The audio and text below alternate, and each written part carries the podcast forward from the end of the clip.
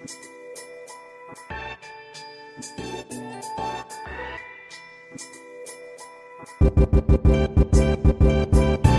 oke, selamat pagi, siang, sore, malam, terserah main dengerinnya kapan. Sorry, udah lama nggak upload podcast lagi. Kemarin ada sedikit kendala. Ya, males sih lebih tepatnya bukan kendala. Sekarang kembali lagi saya nggak sendirian sama temen teman saya lagi, Mas Wake. Halo, Ke. Oke, halo. Selamat malam, Bro. Ini malam, pagi, siang, sore. Serah sama penting dengerin kapan sih, udah amat. Oke. Mm. Gimana kabar? Aman? Aman terkendali. Sekarang pertanyaannya lucu nih ngono ya. Ditanya kabar, apa kabar? Nah, aman. Nggak ngeri ya? Masih ngono ya? Tapi Sekarang. konotasinya negatif, Bro. Iya sih, soalnya aman rasa kalau dia itu ada suatu hal lingkungan dikejar-kejar apa. Di sampingnya ada satpol PP gitu. Hmm, Wah, Satpol PP ini sing ngehit sing cantik tidak masalah dong. Saya lebih baik tidak aman kalau itu. Oke, oke, oke. Hari ini bahas sesuatu yang simpel dulu sih. Bahas eh, pertemanan. Oke. Pertemanan, pertemanan apa? Temen ya. Hmm. Jadi temen itu sebenarnya banyak maknanya, Bro. Pertama, kalau kita bicara teman dalam arti secara simpel sih ya kita berteman, kenal sama orang, just say hello, terus kita kenal, ketemu beberapa saat, udah kita anggap teman. Itu secara sederhana. Hmm, salah sederhana. Cara cara halafiahnya gampang ngomongnya kalau kita bertemu suatu orang terus ngobrol-ngobrol itu bisa dianggap sebagai teman. Nah, cocok Nah. dengan orang tersebut Hmm, dalam artian itu hmm. bisa dikategorikan teman kalau orang itu merasa klop kan gitu sih. Iya, Nah, benar. ada dua persetujuan dalam artian di situ.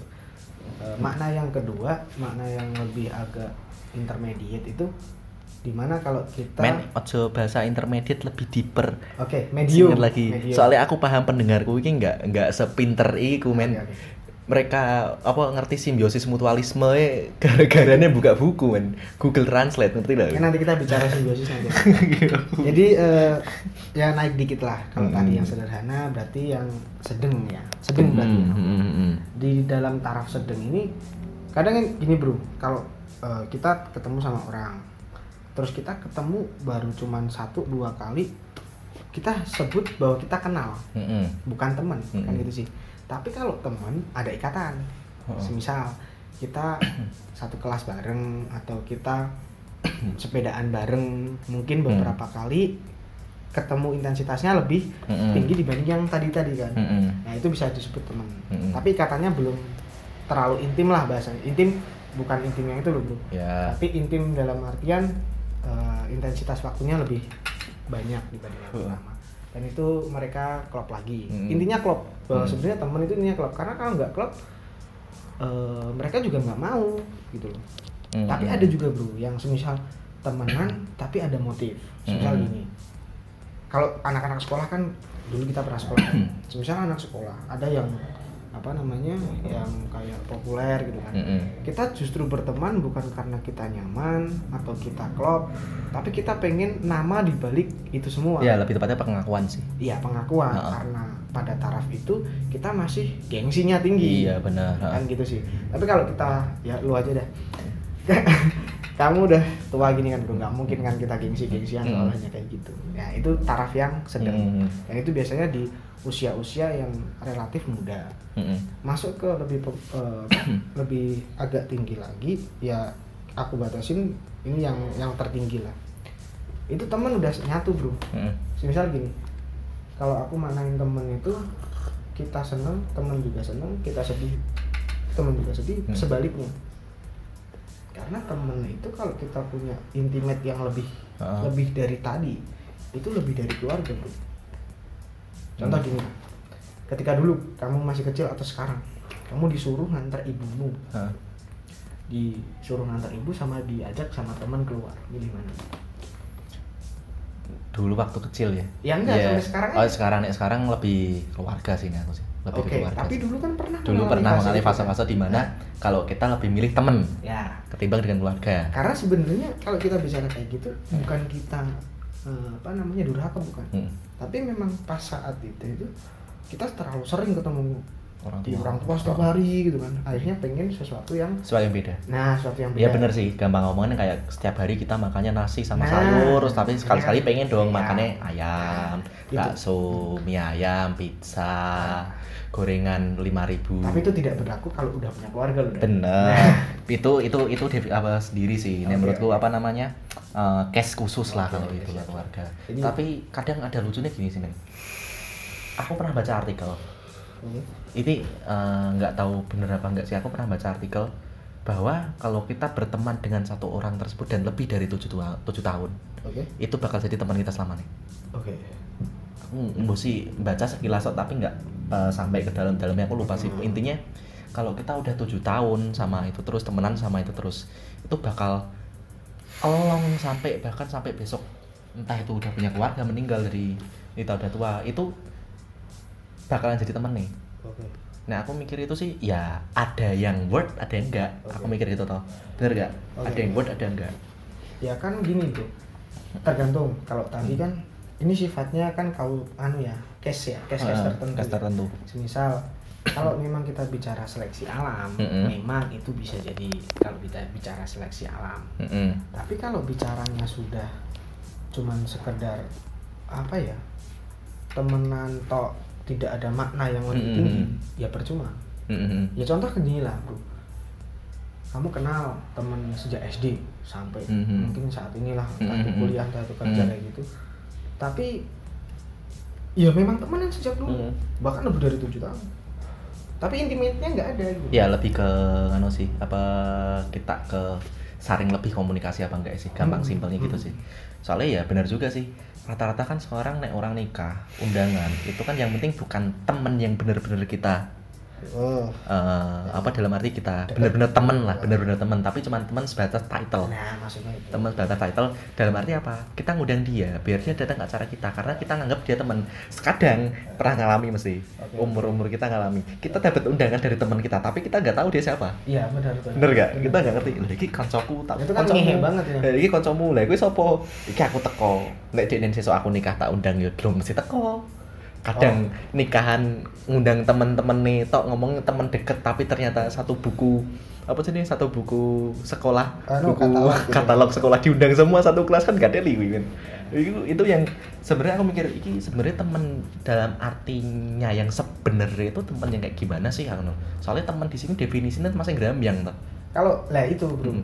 setiap orang punya makna masing-masing menyikapi teman nah perlu digarisbawahi kalau tadi bicara tentang nikah sebenarnya nikah bukan prinsip jual beli kan Oke. kalau tadi prinsip jual beli Iya, tapi pada kenyataannya kan banyak implementasi yang menurutku 80% lah hampir semua Nah, kayak iya, gitu. karena realitasnya kayak gitu Iya. padahal seharusnya kalau kita jaga pertemanan ataupun hubungan yang eh, kuat sejak Mm-mm. dulu sampai sekarang atau sampai suatu saat nanti kadang teman kita nggak ngundang tuh teman udah datang loh Hmm. karena kita selalu uh, aware ke siapa pun gitu Mm. kita aware ke siapa pun akhirnya ya kita punya rasa semisal gini lah semisal kamu sakit gitu Mm-mm. kamu sakit dibawa ke rumah sakit seharusnya kan kamu keluar-keluar kalau aku sakit Mm. semisal gitu biar teman datang tapi Iya. kalau teman yang benar-benar teman bahkan nanyain di mana kamu berada Mm. di rumah sakit mana kamar berapa Mhm. sama kayak gitu ya sebenarnya yang perlu di di di garis bawahi lagi ya yaitu eh, mudah-mudahan sih pendengar-pendengar kita cerdas ya Mm. Sepertinya tidak juga. ya semoga kan semoga Tidak juga. Nah, jadi bisa memaknai lebih dalam lah terkait teman ini kan tadi udah kita leveling ya Mm-mm, Ya, leveling. pertama leveling kedua Layar leveling satu, layar ketiga. dua lah. Jadi semoga teman-teman eh, saya berharap sih agar bisa memaknai lebih jauh. Bahwasanya tidak ada teman dulu tidak ada teman sekarang ataupun teman nanti. Semuanya itu sama. Mm. semuanya itu sama bro. Mm. soalnya gini kita nggak pernah tahu. Kan kita sering sih ngobrol sama itu kita nggak pernah tahu teman mana yang akan nanti terus sama kita ataupun nanti akan bantu kita di suatu saat. Iya, eh, kalau sebenarnya kata sahabat itu kata lebih sebenarnya sebenarnya nek menurutku sahabat itu sebenarnya teman cuman yang lebih intens sering ketemu kan. Nek menurutku lo ya. Aku nggak tahu sih nek menurut orang lain. Soalnya aku sendiri ngomong kui sahabatku. Aku nggak pernah. Ya, kui temanku temanku biasa. Tapi kan teman dalam konteks yang lain kan. Mesti setiap orang punya. setiap orang punya kan dalam konteks yang benar dekat. Kayak Oke, oke. eh seumpama nih aku kayak kamu kan temenan dari SMK kelas 1 ya sampai Hmm. sekarang. Berarti berapa tahun coy? Hitung aja males ngitung Telu 2013 sampai sekarang ya. Eh 2013 lulus berarti 2010 ya. ya enggak tuh bro ah, sudah 2010 2010 sampai sekarang berarti 9 tahun. Dan itu pun sebenarnya waktu kita awal-awal kenal pun juga nggak nggak nggak apa namanya nggak langsung kita seakrab ini. Nggak, bahkan dirimu dulu sampai bikin stiker gatim apa gadel uno apa apa. enggak, aku dulu apa iku he? Power Rangers biru he? Kamu separatis ya kamu sebagai dirimu dulu soalnya so indie man Oh, so indie serius. Gini bro. Kalau aku dulu universal man Oh, dirimu enggak. indie Enggak, enggak. serius. Gini bro. Kita punya power masing-masing. Hmm. kita punya power masing-masing ego masing-masing. Pada usia itu loh ya kita bicara Hmm. pada usia itu akhirnya ketika kita melihat sesuatu yang tidak sesuai dengan kita dianggapnya nggak sesuai dengan kita. Ya which is kayak gitu semua. Iya sebagai gitu. Iya nggak? tapi kan berarti kita kita punya ada satu pola pikir yang di mana kita nggak klop sebenarnya. Lah iya. Iya. Mm-mm. tapi menurutku sebenarnya semua pertemanan pasti ada satu hal yang sebenarnya kita nggak klop. Ya iya dong. Mm-mm. pertemanan kan berawal dari orang yang tidak kenal menjadi kenal. Mm-mm. Se- sekarang gini untuk jadi teh Mm-mm. gula sama teh sama air itu unsur yang berbeda nggak? Hmm. ya kan unsur yang berbeda. Hmm. tapi ketika jadi satu namanya teh. Mm-mm. sama. Oke. ketika kita berteman sama orang kita punya pemikiran A orang punya pemikiran B orang punya pemikiran C. Tapi kalau kita udah sama kita klop kita setuju dalam satu pemikiran yang sama. Aku nggak suka klop. Oh sorry bro. Lo kan Chelsea. Lu MU kan? Lo jangan out of contact.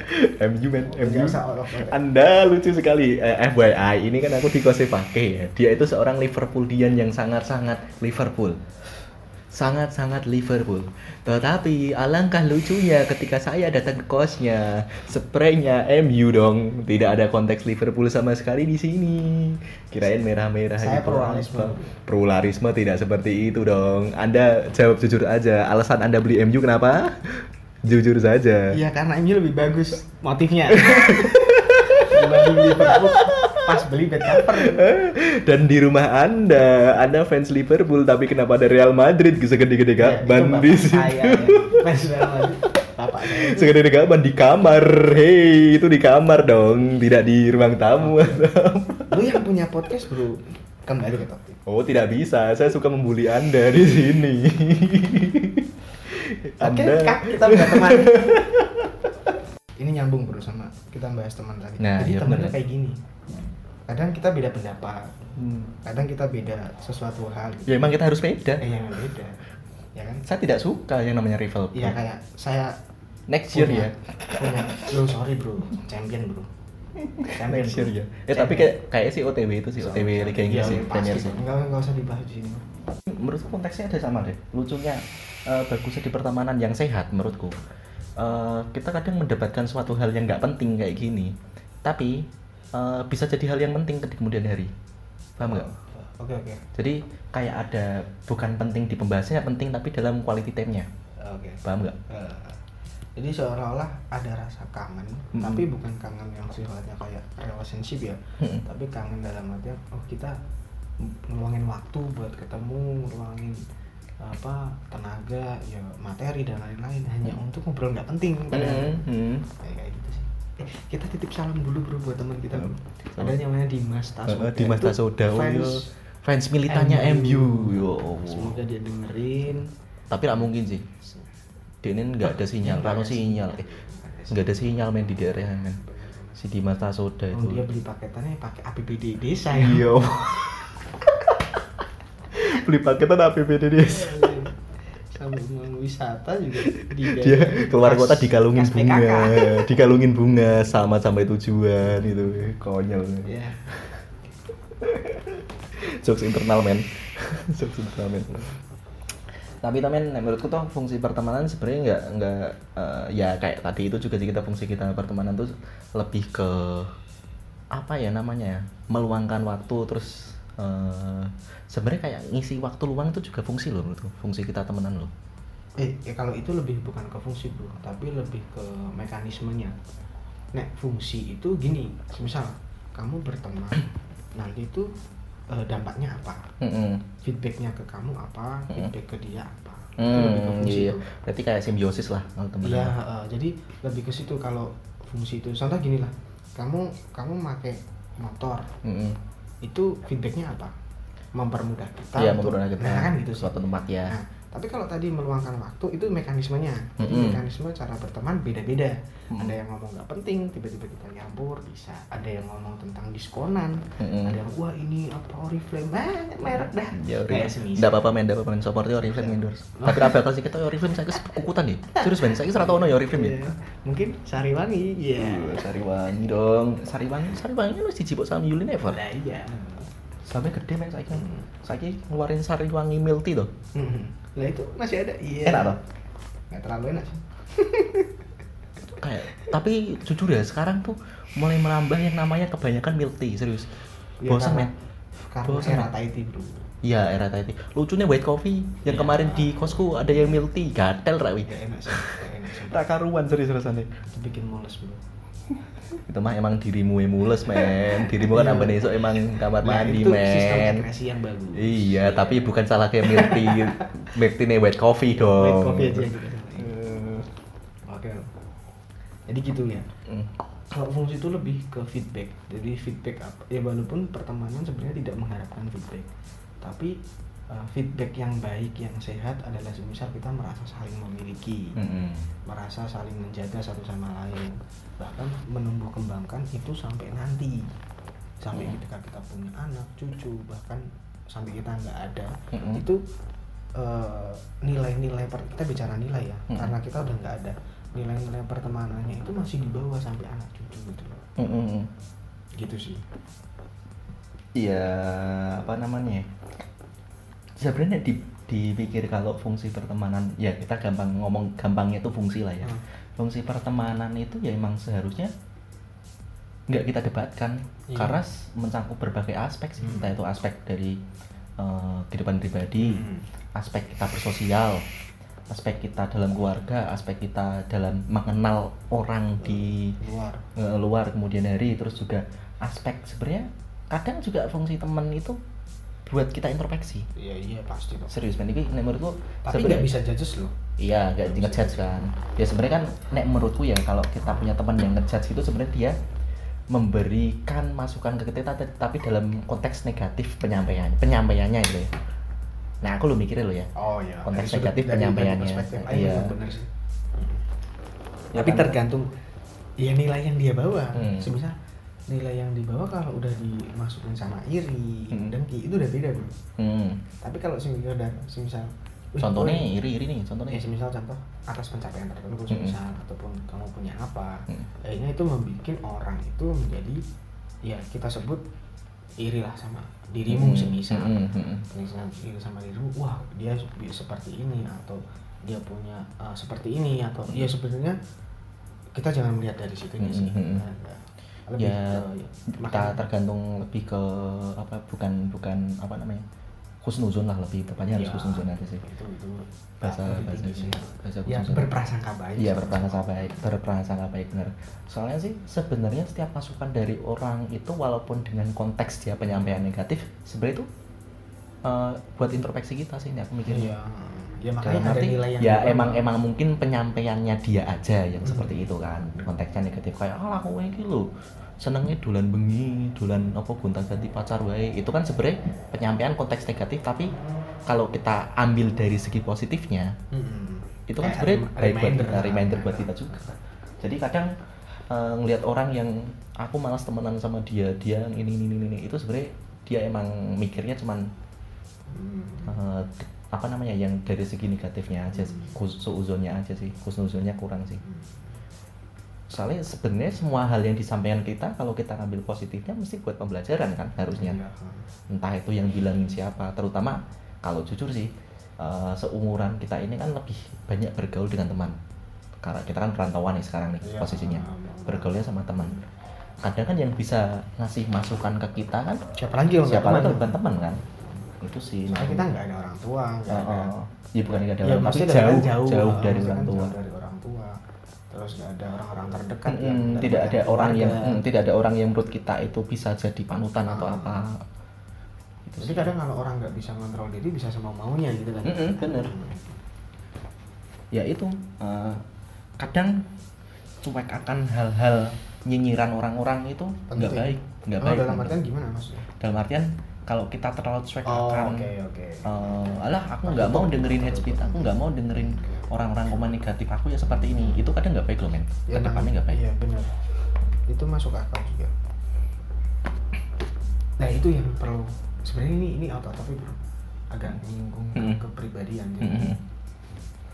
setiap orang itu punya latar belakang pemikiran Mm-mm. masing-masing. Ya, sejak iya, oke. kecil Gitu. Sejak dia. Jadi gini sorry kita bicara agak psikologi dikit nggak masalah. Jadi setahu aku tuh gini dalam dunia psikologi itu kita dewasa ini ada namanya golden age. Mm. ya, umur keemasan. Umur keemasan itu dibentuk dari 0 sampai 5 tahun. Ya heeh, itu Nah, sering 0 dengar. sampai 5 tahun itu uh, adalah proses di mana kita menyaring informasi kita belajar. Contoh anak kecil Hmm. itu nggak takut sama api. Karena dia nggak punya penilaian bahwa api itu panas tapi setelah dia megang api dia tahu bahwa Hmm. api itu panas contoh kecil itu jadi pola pendidikan ataupun pola asuh pola lingkungan dari 0 sampai 5 tahun itu mempengaruhi cara berpikir kita Mm-mm. Contoh, setelah kita sejak kecil dimanja atau sejak kecil dibully, nanti gedenya akan membuli atau justru dibully. Banyak kasusnya kan Ya, gitu. Nah, heeh. sama. Jadi kita kadang nggak bisa nyalahin misal orang kayak berpikir negatif ke kita atau terus kita apatis ke orang lain. Bisa jadi sejak dulu memang sudah terbentuk seperti itu. Tugas kita adalah sebagai teman ya saling saling bahasanya merangkul lah. Karena selagi itu belum kaset ya bahasa Jawa kan kaset. Belum terlambat. bahasa Sunda Belum kan terlambat, kasih, belum terlambat. dibilang kaset gitu. Jadi gitu sebelum terlambat itu masih bisa diperbaiki. Karena sebenarnya lingkungan dan juga kasih sayang ataupun ya seperti Hmm. itulah. Hmm. ya contoh banyaklah orang-orang di luar sana yang justru mengarah ke hal negatif karena lingkungan. Sebenarnya setiap orang tuh baik kebentuknya dengan proses-proses yang ada di sekitar. Gitu Iya sih sih. Hmm. Ya nah, menurutku itu sih ya bener apa katamu sih. Lingkungan itu mempengaruhi. Lingkungan pertama di lingkungan terkecil dari kita kan sebenarnya di keluarga. Itu kan sebenarnya membentuk karakter sih karakternya bukan dibawa dari lahir tapi sebenarnya dibentuk dari kecil nah, menurutku lo ya. Ya memang. Bukan dibawa dari lahir ya. nah aku mikir sendiri lah ya mikir secara aku logika yang sekarang lo ya. Karakter itu bukan dibawa dari lahir tapi dibentuk ya setelah kita dari kecil di bumi kan iya ya, bener. sebenarnya yang dari lahir itu watak deh nih menurutku karakter sama watak kan beda men menurutku ya. jadi sebenarnya yang dibawa sejak lahir itu sebenarnya satu gen itu pasti. Oh iya nih itu pasti jadi jelas nah gen itu bisa masuk dari orang tua Se- watak pun sebenarnya bisa dirubah contoh gini contoh gini lahir dari orang kita kita main suku nggak masalah ya sebenarnya suku Jawa lahir di suku Jawa Hmm. dua-dua orang tua suku Jawa Hmm. orang Jawa kan yang halus Hmm. yang sopan santun kayak gitu Hmm. tapi kita dididik di Batak misal paham nggak mas? Iya. Nah kita dididik ditaruh di Batak di seperti itu Batak bukan orang yang keras karena memang sebenarnya sudah terbiasa mereka seperti itu Mm-mm. tapi lama kelamaan dia akan tumbuh dengan seperti itu tapi tetap ada konteks gennya yang Jawa iya tapi kan dominan Iya dominan. Nah, tapi bisa- kan kalau kita, ya bener apa kata masih dominan, dominannya di situ. Tapi Ah. kita kalau kembali ke asalnya ke gennya, Hmm. kita masih ada sistemnya kejawen man. Dalam arti kayak eh, orang Jawa itu terkenal dengan nggak enakannya. ya iya itu pakai wu pakewuh ya pakewuh itu orang Jawa sih yang terkenal itu sih pakewuh pakewuh tapi ngomong di buri dulu nggak reli takon sih orang Jawa kan ngomong sih jujur sih ini aku ngomong karo orang Jawa kayak gitu soalnya aku orang Jawa sendiri dan aku mengalami sendiri Tapi orang. Jawa itu kadang grundel di buri nah, aku mesti mikir gitu Iya, Iya iya. kan itu kita stereotip deh Iya stereotip. Ya, Stereotip. kita garis bawah stereotip itu eh, anggapan masyarakat gitu Mm-mm. yang sudah asumsi lah lebih ke situ. Eh, jadi maksudnya gini tuh, nggak bisa 100% watak akan ngalir enggak. Mm. Cuman ada potensi iya. Misal 10 atau 20% oke. Tapi kalau lingkungan itu bisa ngebentuk, bisa ngarahin, Mm-mm. itu bisa kebentuk dengan jadi kalau kamu bikin rumah-rumahan di pasir itu tahu kan Bro? Mm-mm. Nah, bikin rumah-rumahan dari pasir pantai itu kan bisa kamu bentuk sesuai dengan keinginan Nah, kan gitu sih. Tergantung kitanya membentuk gimana. sama. Kayak gitu ibaratnya kita itu pasir yang akan dibentuk oleh lingkungan. Dan lingkungan itu tangan kita ibaratnya. Hmm. Misal tangan kita dan teman-teman kita, kita kan kita butuh kayak apa kayak sendok-sendokan gitu. Lah itu sebenarnya yang penting sama kayak itu sih sama kayak bikin aquascape. Ah kasus aquascape aja masih gemetan bro. Iya makanya. Itu kan konsep dari awal men. Oke. basic dari awal. Jadi kan emang aquascape emang ada konsepnya nggak bisa kita langsung jadi der jadi bagus nggak bisa. Kita harus dari nanamnya dulu kita harus membiarin lumutnya berkembang. Soalnya kenapa? Kalau lumut berkembang berarti kan bakteri di dalam situ kan yang memacu untuk tumbuhan lain berkembang bisa kan? Oke. Nah gitu. Tapi jadi jangan lupa kasih Yakult bro wah tidak dong. Yang bakteri baik. Saya cimori. Iya lebih ke cimori rasanya lebih banyak dong oke kembali lagi ya ke Heeh. apa tadi? Konteks kita fungsi pertemanan. fungsi ya. Ini semoga teman-teman pendengar juga eh, sekarang mulai berpikir ya punya sudut pandang lain lagi. Ya ini bisa jadi referensi dalam artian berteman berteman boleh ke siapa pun berteman boleh ke ke ke, ke aspek apa pun bahkan kita ke orang-orang yang yang menurut kita negatif itu belum tentu kita negatif kan gitu sih. Mm-mm. Nah, bisa jadi kayak tadi kita bisa introspeksi, bisa reminder ke diri kita sendiri, bahkan justru kita bisa belajar dari, dari mereka, kan gitu sih. Iya. masih berpegang teguh sih aku kadang hal negatif itu sebenarnya positif positif ya, kan gini, wah ini panjang bro kalau gua bahas bro. Jadi nggak Aku nggak masih satu. Jadi gini, negatif dan positif itu adalah persetujuan yang sudah disepakati. yes itu sebuah persetujuan Jadi gini, wah ini ini ini agak susah pembahasannya bro. Mm-mm. Ntar nggak, ya nggak apa-apa lah. Mungkin teman-teman perlu tahu. Jadi contoh gini, kalau sesuatu hal tak sebut sendok, saat ini kita sebut sendok, kan gitu sih. Tahu nggak siapa penemu kata sendok? Ya kita udah nggak tahu sebenarnya itu persetujuan sih Nah Mas. itu persetujuan. Nggak persetujuan sih Lah ya, yang aku maksud itu, Hmm. aku menggiring pemikiran agar ke situ. Benar benar benar benar Kalau Se- suatu ya seumpama nih aku mikir aku mikir lagi sih itu namanya sendok soalnya Ah, kan persetujuan coba namanya dulu itu hasem babahe Nah, bisa. Kalau enggak susah loh coy serius kalau enggak, makan tolong ambilin gitu. wah tolong tolong ambilin marsupilami dong Ya. ubah ubah benar Jadi MU ya bisa terus jadi memang semua hal dalam ranah yang sifatnya eh, yang terlihat lah dalam artian. Itu memang persetujuan sejak dulu entah itu Mm-mm. nenek moyang kita atau siapa pun yang menemukan itu. Cuman kenapa itu dibuat ada positif negatif? Agar agar kita tahu batasan-batasan. Bahwa bahwa Tuhan menciptakan semua ini memang ada dua unsur bro. Mm, positif negatif pasti ya positif negatif. Oke semuanya saling berlawanan loh. Kalau yang lebih gampangnya yin and yang yin yang itulah benar sing intinya ya semua orang paham tentang yin iya sih yang. tapi kayaknya pendengarku sih paham semua sih yang mereka Katanya tadi belum cerdas. Ya tapi menurutku kalau yin tercerdas, ya. kalau yin dan yang mesti mereka pernah nonton Shaolin Soccer dan paham. Pastilah. Shaolin Soccer dilihat sama soccer mbak paunya tukang mbak ya paunya kan itu kan yin dan yang men. Dijelasin loh di Shaolin Soccer men. Itu nggak dijelasin dipraktekin dulu Ya tapi kan mesti nggak tahu wow yin dan yang. Ono men. Nonton Shaolin Soccer mesti dijelasin ngono serius? Nonton no. Iya iya tapi ini baru nonton soalnya serius. Neng trans 7 wingi balik tapi iya, ini kita nggak usah jauh-jauh bro jadi memang tapi ini tolong di, perlu digarisbawahi bukan terus kita melihat semua yang negatif itu baik enggak Mm-mm, tapi enggak. ada koridor-koridor tertentu yang memang itu menjadi batasan contoh Mm. misal batasan-batasan tentang yang sudah diberikan Tuhan atau siapa pun itu kan berarti sesuatu kekuatan yang di atas kita Mm-mm. yang bukan manusia kan dalam artian dan bukan persetujuan Mm-mm. Karena itu sudah dibuat nah itu memang harus kita benar-benar sepakati bersama Mm-mm. tapi kalau yang sesuatu yang dibuat manusia itu memang sesuatu hal yang masih ya tadi stereotip yang berkembang Stereotip lebih. itu sih jadi nggak masalah ya sih sebenarnya eh, nah kuncinya adalah apa open minded mm-mm.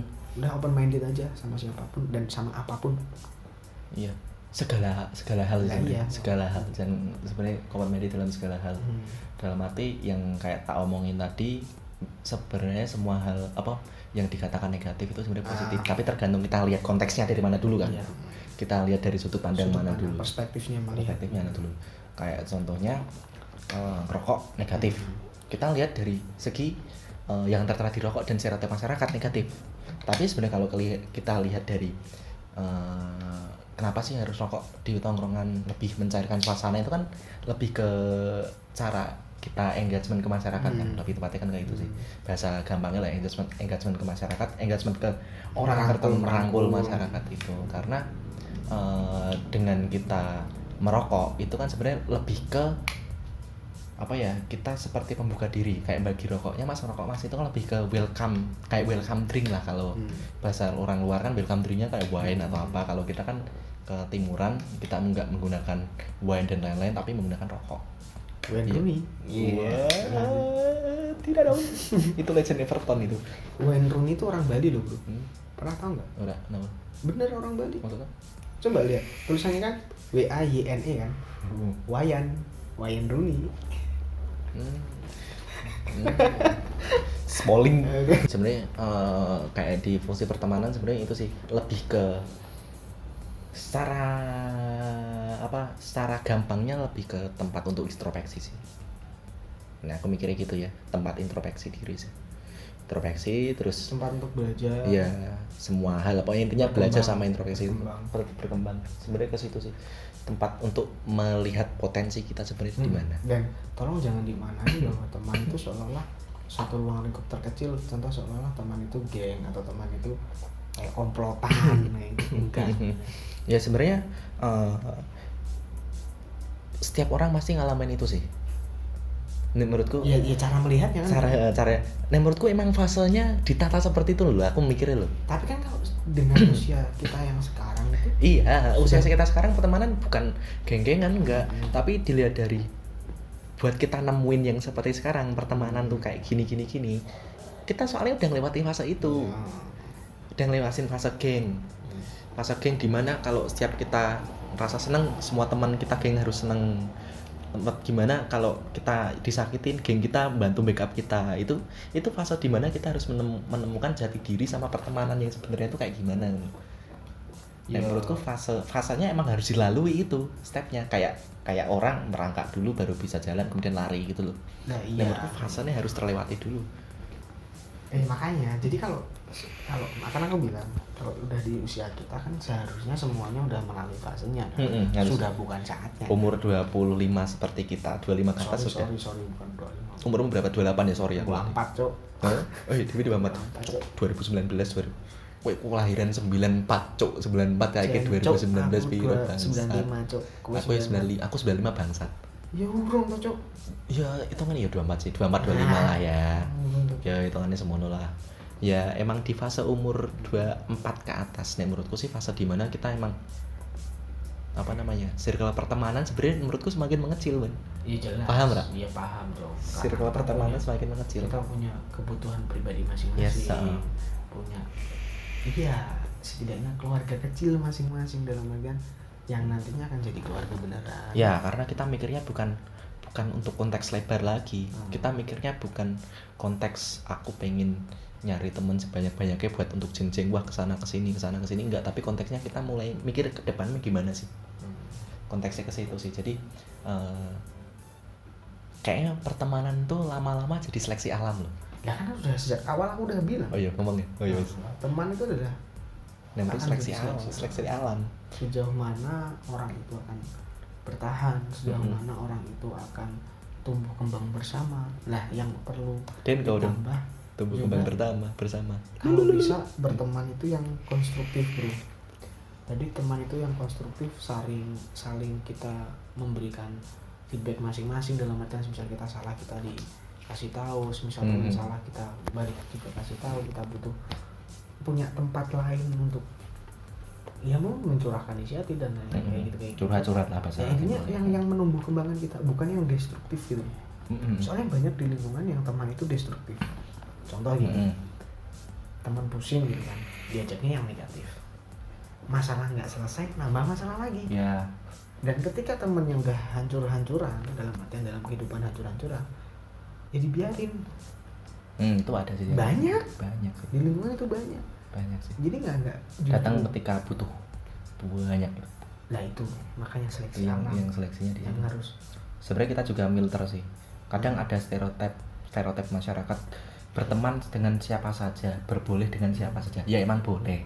Tapi kan kita juga menentukan dong dengan siapa saja kita bertemannya, ya kan? Nah menurutku tuh sih, eh, kadang ada stigma di masyarakat yang tadi tak omongin itu.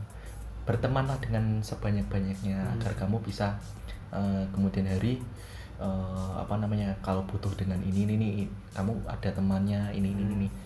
nek menurutku sih sebenarnya berteman dengan siapa saja emang iya tapi ki- kita kan juga punya kebebasan untuk memilih teman itu siapa aja tau. ya itu kan berarti kan hak prerogatifmu Iya, sendiri heeh. itu maksudnya tapi kalau dalam ruang lingkup kan kita bicara mencari teman Heeh, untuk mencari teman. semuanya Mm-mm. cuman kalau untuk eksklusivitas tertentu itu kembali Mm-mm. kembali ke pribadi masing-masing tapi jangan pernah membedakan dalam dalam ranah publik gitu. Mm-mm. kalau di ranah publik seolah temanku kayak enggak lah itu yang bodoh namanya enggak sih. Ya semisal. Kan kita Enggak sih. kita nggak. nggak pernah tahu orang lain. Ah, iya nggak tahu sih nggak tahu pemikiran orang ya, lain kayak makanya gimana. misal gini lagi ngobrol sama temen banyak. Mm. tiba-tiba ngumpul nih sama yang ini. Nggak kita nggak bisa bikin satu atmosfer biar Mm. bersama-sama Mm-mm. itu sih. Percaya nggak? Kadang tuh kita diskriminasin orang loh. Secara langsung diskriminasin teman kita sendiri. Contoh kayak seumpamanya kita punya teman yang orang sorry difabilitas. Hmm. yang cacat sama lah nggak bisa jalan naik kursi roda. Sebenarnya menurutku konteks pertemanan yang sudah benar-benar erat Hmm. itu adalah di mana kita saling ngolok-ngolok. Bener gak kayak kayak enggak lo enggak lo maksudnya gini loh di tongkrongan dan lain-lain. Kayak kita ngomong halah gue kayak CMU elek kalahan gitu. Kadang kan kita ketemu temen nganjing-nganjingi temen itu hal-hal yang wajar. Cuman kita entah kenapa di stereotip masyarakat itu kalau kita punya temen yang nah ini pikiranku sendiri punya temen yang sorry difabilitas entah itu cacat atau apa kita mesti agak sungkan dan lain-lain.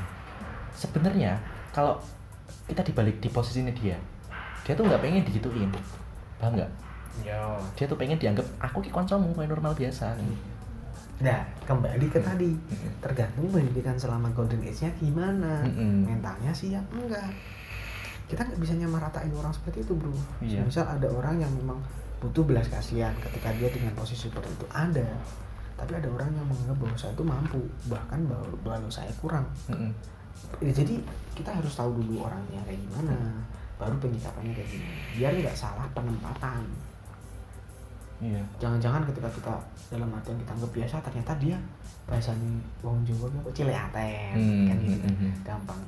Apa hatinya gampang anu apa eh, sensitif gitu. Ya cuman ya itu sih aku mikirnya masih masih mikir di eh, logika logika apa ya dasar pertemanan yang sudah erat kan yang, biasa emang wis ngomong ABCD karepmu. Lah. itu.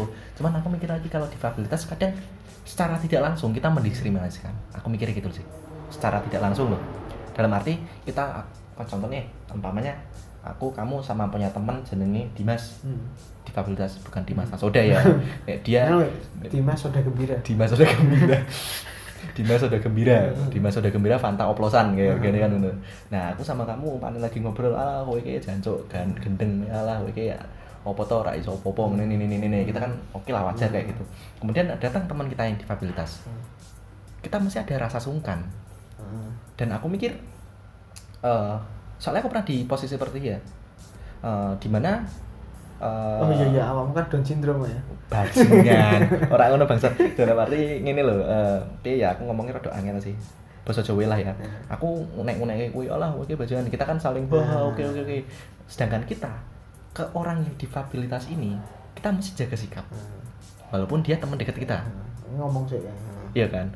Sebenarnya nek aku di posisi dia aku mikir aku ya konsomu aku ya nggak apa-apa mau lo kayak ngono. Cuman dari kita itu kayak ada self defender paham gak sih? Ada self defender ada membatasi diri Enggak, kalau kita nggak gitu. itu sebenarnya bukan self defender Mm-mm. itu karena wong Jawa riko pekimu unggah ungguh sopan santun iya. menjaga hati saya heeh, benar oke. saya, saya, saya, saya sambung ya Hmm. sekali lagi tak ulangi lagi kita bisa seperti ini ece-ecehan nggak marah jancuk-jancukan nggak marah Hmm. asu Hmm. nggak marah. Itu karena kita udah saling ngerti gitu loh artian bahwa pertemanan itu nggak gampang emosi nggak gampang itu. Lah kalau ada orang yang difabel terus temenan sama kita Hmm. kalau dia udah nyampe ke level itu nggak masalah. Iya maksudnya itu loh. Aku kadang walaupun kita udah teman lama tapi kita masih ada rasa pekiwuh ngono Nah itu biar jadi rahasiamu saja. iya Pasti heeh. biar. cuman aku mikir itu, itu bukan diskriminasi loh bro. iya Diskriminasi itu yang keluar dari mulutmu atau yang keluar dari perlakuanmu. Tapi Hmm. kalau hanya sekedar di dalam dirimu, Hmm. itu masih kamu simpan, kamu bisa menjaga itu bukan diskriminasi. secara nggak langsung aku menurutku diskriminasi ini aku lo mikirnya loh dalam arti kita secara nggak langsung eh, membatasi tidak seperti teman yang pada umumnya kita paham nggak sih Nah, ngono. kembali lagi kalau bertemannya udah Ha-ha. intimate, cuman kebanyakan orang men walaupun sudah intim dan lain-lain kebanyakan kayak gitu kamu jangan bicara kebanyakan. Mm-mm. Kita udah punya teman nggak yang kayak gitu. Mungkin kalau kita punya teman kayak gitu kita nggak kayak gitu gitu loh. Heeh. Kalau kita bicara orang lain banyak kesalahannya orang di luar semua. Jadi jangan melihat fenomena itu dari luar. Heeh. Kalau kita melihat fenomena itu dari luar, pasti akan banyak salahnya. Hmm. Karena semua orang punya pemikiran masing-masing, cara berpikir masing-masing, dan kita punya kriteria masing-masing untuk menilai itu. Mm-mm. ya ini saranku buat teman-teman yang punya teman difabilitas dan udah engagement sudah lama dan dia udah percaya sama kamu gampang kok sebenarnya kok nggak usah em, diskriminasi secara nggak langsung soalnya seperti itu kan diskriminasi mental ya menurutku bukan diskriminasi apa ya diskriminasi mental dalam arti kita seperti membedakan dengan teman kita jadi kalau ada teman kita yang cacat atau apa berteman kita sapa aja eh cacat si urip toh nah gitu oke kan masalah kan terus konsultan kan paling jancuk ya gue paling kan ngono toh toh. Iya enggak? Itu malah menurutku lebih mengeratkan Tapi pertemanan. jangan di campaign juga dong. eh, sorry ya, ini ini kadang podcaster satu ini mah kadang goblok juga. Tapi kan bener dong. Lakukan dia sama seperti teman kita. Iya kan? Iya bener kan. Penggunaan katanya bro, diksinya. Soalnya gini men. Ini sorry, eh, aku buka-bukan aja. Sebenarnya kan aku belum ngomong sama teman-teman di podcast. Hmm. Aku yatim. Aku yatim piatu. Aku udah eh, Lu yatim? Nah, jan- jancuk ya gue. jancuk ya gue. Eh, Bapakku tak edu tense ini ibaratnya. Iki lho konconan sing asing gitu gitu.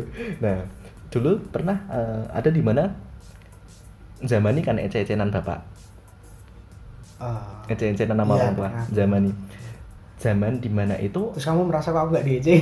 bener, bener. Oh. Dalam arti aku ngece mereka, Hmm. tapi mereka nggak mau ngece aku cuma senyum tok. Itu sebenarnya ada diskriminasi tersendiri loh. Hmm. Kowe ngece bapakku ya nggak masalah, ngono. Hmm. Aku ya mikirnya di situ, tapi mereka ada konteks di mana ya konteksnya orang Jawa tadi sih. Hmm. Pakai wo. Hmm. kalau dalam segi pertemanan sebenarnya Riko Perkewo itu di nomor dua kan ya aku men nah aku loh ya Nek udah bener-bener kita Ya, engagement kan udah beneran bener-bener. bener engagement Riko Perkewo itu nomor dua kan nomor pertama itu sebenarnya lebih ke Iya, losan iya, kita iya. ngomong ke dia menyampaikan opini kita menyampaikan Iya bener sih kita. kalau ya makanya tergantung Hmm. hubungan tadi kan. Aku aku setuju kalau itu. Karena sejak mengenal dirimu pun aku jadi percaya ternyata ada satu anak yatim piatu yang yang gateli. stereotip men anak yantian atian piatu kan mesake tau iya. stereotip itu terbantahkan dengan adanya saya kan Iya, bener. Jadi kalau semisal eh, kita semua lagi ngece dirimu gitu kan, dirimu doa yang katanya doanya bisa sampai dan terkabul, weh itu pengecualian. Malaikat itu tahu mana anak yatim yang baik, mana anak yatim yang gatel. bangsat ya gue tapi dong aku terkabul men. Nggak, bisa kan? terkabul men. Jadi- terkabul men. Ayo ayo ayo. Aku dong dong anak yatim terkabul. Loh tak dong kelek loh gue hehehe tak dong ke MT mu ternyata besok jadi anak produksi loh Kita jangan bicara kayak gitu. Itu, itu out of topic bro.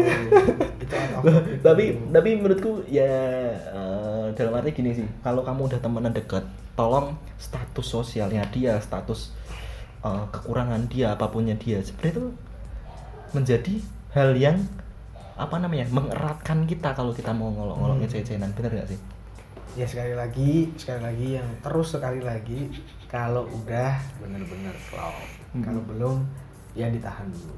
Ditahan dulu. Ya emang kan kita nggak tahu nih batas kesabaran orang tuh sampai Ah, maksudnya itu. Ada orang bilang sabar tuh nggak ada batasnya. Ono men ono batasnya men menurut men Iyalah. ada batasnya. Nah menurutku kita di lingkungan baru pun juga eh, apa namanya kita kadang harus meninggalkan teman kita yang lama. Bukan dalam arti meninggalkan benar-benar loss ya. Ya, meninggalkan eh, pertemanan kita yang lama terus kemudian berbaur dengan lingkungan yang ya, baru bukan itu men- bukan meninggalkan, meninggalkan tapi lebih Anu, tepatnya eh, masuk ke satu lingkungan Iya, baru. sorry sorry. Bahasanya bahasanya rodok frontal sini aku. Emang aku kan dari dulu nih ngomong rodok frontal men. termasuk tadi prefrontal cortexmu udah terganggu makanya Down syndrome Bajingan, bajingan. Oke, oke. nanti ya Iya. tak jelasin prefrontal cortex itu apa bajingan gue, bajingan gue. Lanjut Iya, sebenarnya kita kalau eh, masuk ke lingkungan yang baru pun juga Hmm. eh, apa namanya kita tuh nggak nggak bisa menanamkan yang namanya idealisme nih kita iya dong Heeh. soalnya kan Indonesia tuh plural. Indonesia tuh plural plural apa plural ya? Plural plural? Plural. Plural ya plural. Jadi setiap kepala itu pemikirannya itu berbeda-beda. Jadi kadang pemikiran beda-beda kemudian adat istiadat yang berbeda-beda terus kemudian eh, perilaku di daerah tersebut beda-beda itu yang sosiokultural Nah, sosial kulturalnya berbeda-beda. Jadi kita tuh eh, gimana sih enaknya sebenarnya kalau mencari teman di, Di eh, lingkungan lingkungan berbeda. lingkungan yang baru. Oke. Ini dari sudut pandangku dulu. Mm-mm. Kalau dari sudut pandangku sekali lagi eh, dalam mencari teman tidak ada batasan. Kalau Pak sudut pandangku, karena gini bro, kalau kita mem- membatasi sesuatu hal itu, justru kita tidak akan mendapatkannya, paham nggak mas? Mm-mm. Contoh gini, Kayak hak paten banget ya. iya kayak Dibatasi kayak hak paten banget. Contoh Ya, aku kamu mau- aku pengen punya teman yang harus kayak gini. nggak Ah, bisa kan? nggak gitu. bisa, karena kita dihadapkan pada orang yang berbeda-beda tadi. Mm-mm. Kita akan dihadapkan orang berbeda, karakter yang berbeda-beda, su- suku, adat dan budaya yang berbeda-beda. Jadi just let it flow aja. Mm-mm. Cuman ketika kenal orang, pahami orangnya, kenali orangnya, terus eh, jangan judging sejak awal. Kita pahami, oh kalau orang orang dari sini tuh gini, orang dari sini tuh gini. Mm-mm. Dan kita punya banyak. Kalau aku bicara tuh, kalau aku berbicara, kita punya wawasan dan kita punya satu background untuk mengenal orang lain Mm-mm. nantinya. Mm-mm. Misal gini, kamu mengenal orang Bugis misal, Mm-mm. Bugis memang terkenal orang cantik semisal gitu kan. Mm. Tapi nggak cuma cantiknya gitu loh. Mm. Bisa jadi budaya yang kita bisa pelajari. Mm-mm. Ternyata orangnya kayak gini. Nggak harus mengenal satu suku Bugis secara keseluruhan. Mm-mm. Tapi dari satu orang kita bisa belajar Iya. bagaimana kayak gitu. Dari orang Madura, tak iya. Mm. Teh sate, tak iya. Mm. Nah dari situ kita bisa belajar. Ternyata orang Madura itu dalam mencari uang, dalam apanya mereka benar-benar punya effort yang tinggi. Iya. Nah, heeh. itu salah satu jadi kita bisa belajar dari seluruh suku di Indonesia ataupun seluruh dunia agar nantinya kita punya wawasan Mm-mm. gampang masuk ke siapa pun Mm. gampang masuk ke satu ruang lingkup apa pun kalau aku sih gitu Mm. jadi aku nggak pernah membatasi ruang nggak pernah membatasi tempat waktu dan lain-lain ketika aku bertemu dengan orang dan orang itu bisa nyaman dengan diriku atau aku diriku bisa nyaman dengan orang lain eh, aku sebut itu suatu anugerah gitu sih Iya. Tapi menurutku ya, eh sebenarnya dalam konteks sekarang, zaman sekarang nyari teman tuh sebenarnya gampang loh.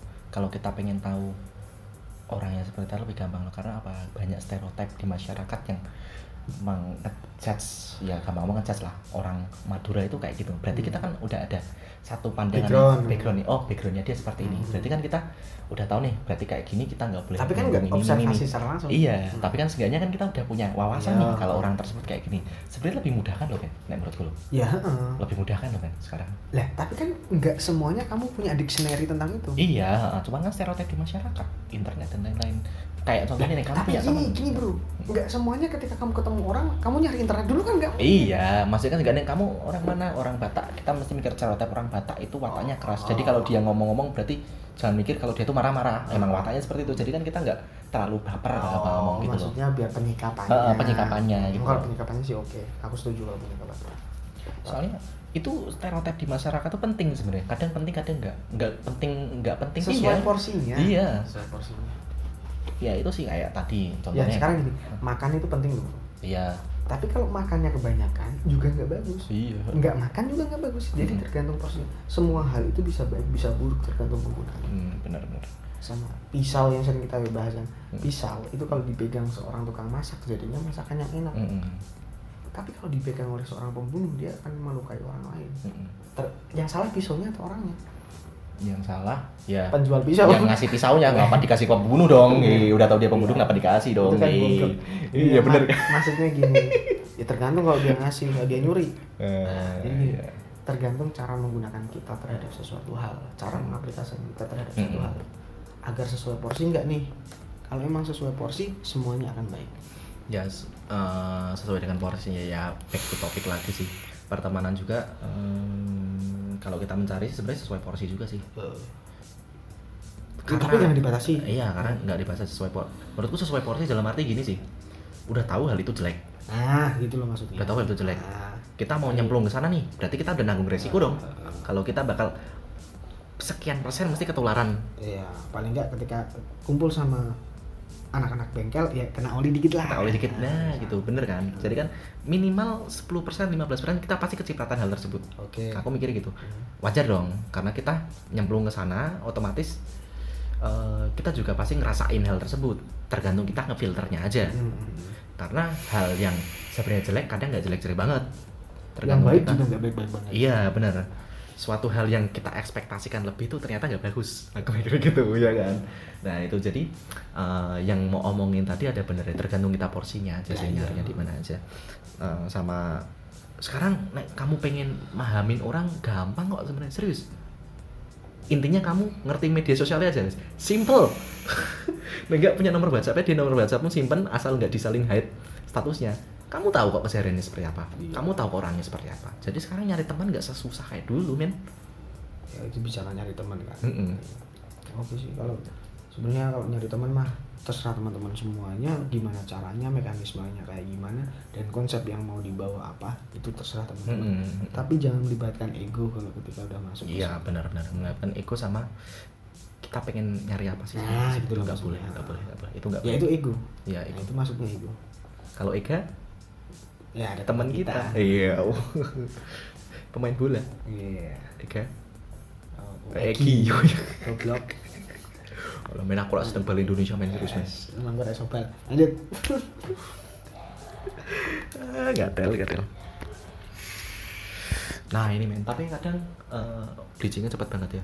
Tapi percaya nggak? Kadang tuh kalau kita punya segi pertemanan di apa pun mesti kita ada hal yang menurut kita kadang gesrek kadang nggak klop. Kadang setuju sama dia kadang nggak setuju. Ya banyak keluh kesah ya sih. Kadang ya aku sih nggak munafik. Kita mesti kadang sekian Debat. detik debat atau enggak ngomongin orang itu di belakang. Secara nggak langsung. Oke tuh. pasti kalau kita punya teman kita kumpul dari teman. Itu bukan bukan hal buruk sih sebenarnya tapi kita lebih ke introspeksi diri nih aku sih mikir sih. Introspeksi diri kalau kita kalau besok kita itu nggak boleh seperti itu paham nggak sih Ya, maksudnya penggunaannya penggunaannya tentu cuman emang kadang bi konco ki emang jengkel ke bi konco ki emang sifatnya Iya, beda-beda iya. emang jengkel ke serius. Ya nggak cuma temen bro. Semuanya tuh di dunia ini sebenarnya jengkelin. Hmm. semuanya sekarang gini nih Nik tak hina dong jengkelin. Jadi gini aku tanya uang. Uang itu berharga nggak? Harga tapi kadang cara mencari uang juga jengkelin. Iya kadang kehilangan uang juga jengkelin. Jengkel kan jadi sebenarnya sesuatu hal Hmm. itu semuanya jengkelin dan semuanya bisa bahagia Hmm. tadi. Menurut kita jengkelin menurut orang kadang enggak Nah. dan menurut kita membahagiakan kadang menurut orang jengkelin. Nah, makanya. Gitu loh yang lucu nih di sini. Kayak contohnya ya, kita beli kita kerja dapat uang membelikan suatu hal untuk apa yang namanya ya effort effort kita kerja atau Achievement. enggak achievement sorry kok effort. Achievement. achievement kita untuk kerja. Kadang kok ngopo sih tuku koyo kono? Ora penting banget. Iya. Bener ya kadang tuh pemikiran teman kita itu kadang ya nggak sepaham sama kita Ya. kalau belum kita sampaikan kenapa kita beli seperti iya. itu bener kan? Ya Ini sebagai achievement pen- atau apa? pentingnya kita berkomunikasi pentingnya di komunikasi. sebenarnya semua bisa diselesaikan dengan komunikasi sih. Iya. Ya enggak semua masalah apa pun Iya. diselesaikan dengan cara komunikasi. Perang dunia kedua komunikasi. Iya perang dunia pertama komunikasi. Perang dunia ketiga oh, jangan sampai. Jangan sampai. Ya mungkin nanti bro versi istri dan suami di Oh. dirimu ya. Tidak dong enggak. Itu itu sih itu sih. Mengerikan nah obrolan kita tadi itu sebenarnya kan eh, intinya bahas pertemanan sih ya. Hmm. Nek menurutku tuh sebenarnya teman itu kata apa ya kayak tadi persetujuan sih. Kalau bisa dinamain teman itu gara-gara apa? Nah itu maknanya teman itu sebenarnya luas ya menurutku ya. Luas dong. Terlalu luas nih menurutku sih. Terlalu luas men. Nggak cuma luas. Eh, jangan didefinisikan sebenarnya. Teman itu nggak bisa didefinisikan. Seru ngomong Eh, teman itu nggak bisa didefinisikan. Hmm. jadi kalau kita sekedar menggunakan kata teman adalah se- seorang yang tadi kan seorang yang kita kenal terus kita cocok dan itu teman. Tapi lebih tinggi dari nilai-nilai itu ada makna di situ. Hmm, hmm, hmm. nah makna itu nggak bisa dideskripsikan. Contoh gini lah. Kasih sayang orang tua ke anak. Hmm, itu disebut kasih sayang. Kan Mm-mm. gitu sih. Tapi nilainya kita nggak tahu. Hmm, kita nggak bisa ngebandingin satu kasih sayang orang tua satu ke anak yang satu nggak bisa. Hmm, hmm, apalagi ke orang lain. Hmm, sama kayak ikatan pertemanan itu. Aku sebut temen itu udah pakai rasa. Hmm, jadi kalau kita udah pakai rasa itu nggak bisa diukur. Hmm. contoh gini kita kadang terima kejelekannya kadang terima kebusukannya kebangsatannya Hmm. ya karena kita udah pakai rasa bro. Iya. kalau kita nggak pakai rasa kita hanya kenal orang itu oh dia gini oh dia gini oh dia gini cuman sampai di koridor itu batasan ke misal kita buat layer ada layer ketiga lah kadang ada cuman sampai di situ hanya sekedar just saying just telling kayak gitu doang Mm-mm. tapi kalau nyampe ke level-level tertentu sampai dengan rasa kita nggak ngomong dapat kita tahu nih lu habis gini ya sih misal atau Mm-mm. lu lu anu kanker otak atau gimana biasanya kan kita kayak gitu sih nih, aku nih. kayak gitu sih Aku sakit darah tinggi di kamu kanker otak no bajingan bajingan. ya kadang kita perlu untuk memberikan uh, shock terapi ke teman. Biar dia tobat siapa tahu waktunya tinggal dua atau tiga hari kan? Dua anak yatim manjur men. oke. Terus saya doakan. Ada. ya intinya gitu sih makna itu lebih lebih tinggi sih. Jadi uh, saya berharap teman-teman semua ini yang dengerin coba pakai rasa coba pakai makna. Nggak cuma berteman loh ya. Ke dalam hal apa pun kalian memiliki keluarga kalian memiliki saudara dan lain-lain nah aku sebut teman itu keluarga yang tidak dalam satu rahim Iya. mm-mm. kita lah- lahir dari ibu yang berbeda, bapak yang berbeda, kontur masyarakat yang berbeda. Kalau kita bisa satu, bisa satu rasa, kita bisa jadi keluarga. Gitu. Ya, gitulah. Iya. Dan ini kata yang cuman saya bisa deskripsikan. Selebihnya itu itu pure sesuatu hal yang tidak bisa saya deskripsikan. Iya. Ada orang ngomong eh, sedulur ketemu gede ya emang bener. Iya, bisa jadi. Sedulur ketemu lah. gede ya emang bener. Soalnya kenapa ya? Kadang eh, satu hal kita nggak bisa cerita di keluarga kita, tapi kita bisa cerita ke Ya, teman kita. bisa itu bisa ya makanya teman yang baik itu yang konstruktif yang ngebentuk kita yang yang bisa berkembang contohnya gini kalau kita curhat tentang rahasia kita ya jangan ember Mm-mm. nah karena nanti ya tadi kalau kita nggak ember kita punya keyakinan komitmen dan lain-lain ya enak ngejalaninnya nggak Hmm. ada gurundel gurundelan oh semuanya diungkapin di depan Iya, bener. ya gitu sih Ya lucunya itu sih kalau ada masalah kita tiba-tiba datang ngobrol kurang seneng karo kowe. ya udah Lah kowe ngopo ora seneng karo aku? Soalnya kowe ngene ngene ngene ngene. Nah, Itu lebih enak daripada kita ngerundul di belakang. Itu ya itu sebenarnya teman yang yang baik seperti itu. yang konstruktif. Konstruktif itu sih. Oke, thank you udah dengerin. Sorry ocehannya agak lama. Eh, terima kasih juga yang udah dengerin. Biasanya lama banget ya nggak update sekali update lama sekali update lama ya Iya, sejam sama lebih kan. Ya enggak apa-apa sih. Sebenarnya kan emang eh, apa namanya komitmen- komitmennya saya sih sebenarnya nggak nyampe satu jam paling setengah jam atau apa tapi berhubung obrolannya banyak yang harus sebenarnya harus disampaikan ke teman-teman dan orang-orang teman-teman harus pada tahu menurut saya harus tahu sih. Biar nggak ada yang namanya eh, Gap-gapan. gap-gapan atau apa. Karena semua itu sebenarnya kita sama men. Semua semua itu manusia. Yang membedakan iya yang membedakan cuman budaya kita iya kan? Membedakan budaya kita sama lingkungan kita yang paling kecil. Dan akhirnya membentuk pola pikir. Iya membentuk pola pikir kita. Sebenarnya kalau kita mau berteman dengan siapa saja ya oke monggo berteman dengan siapa saja asalkan ambil positifnya. Yep. oke.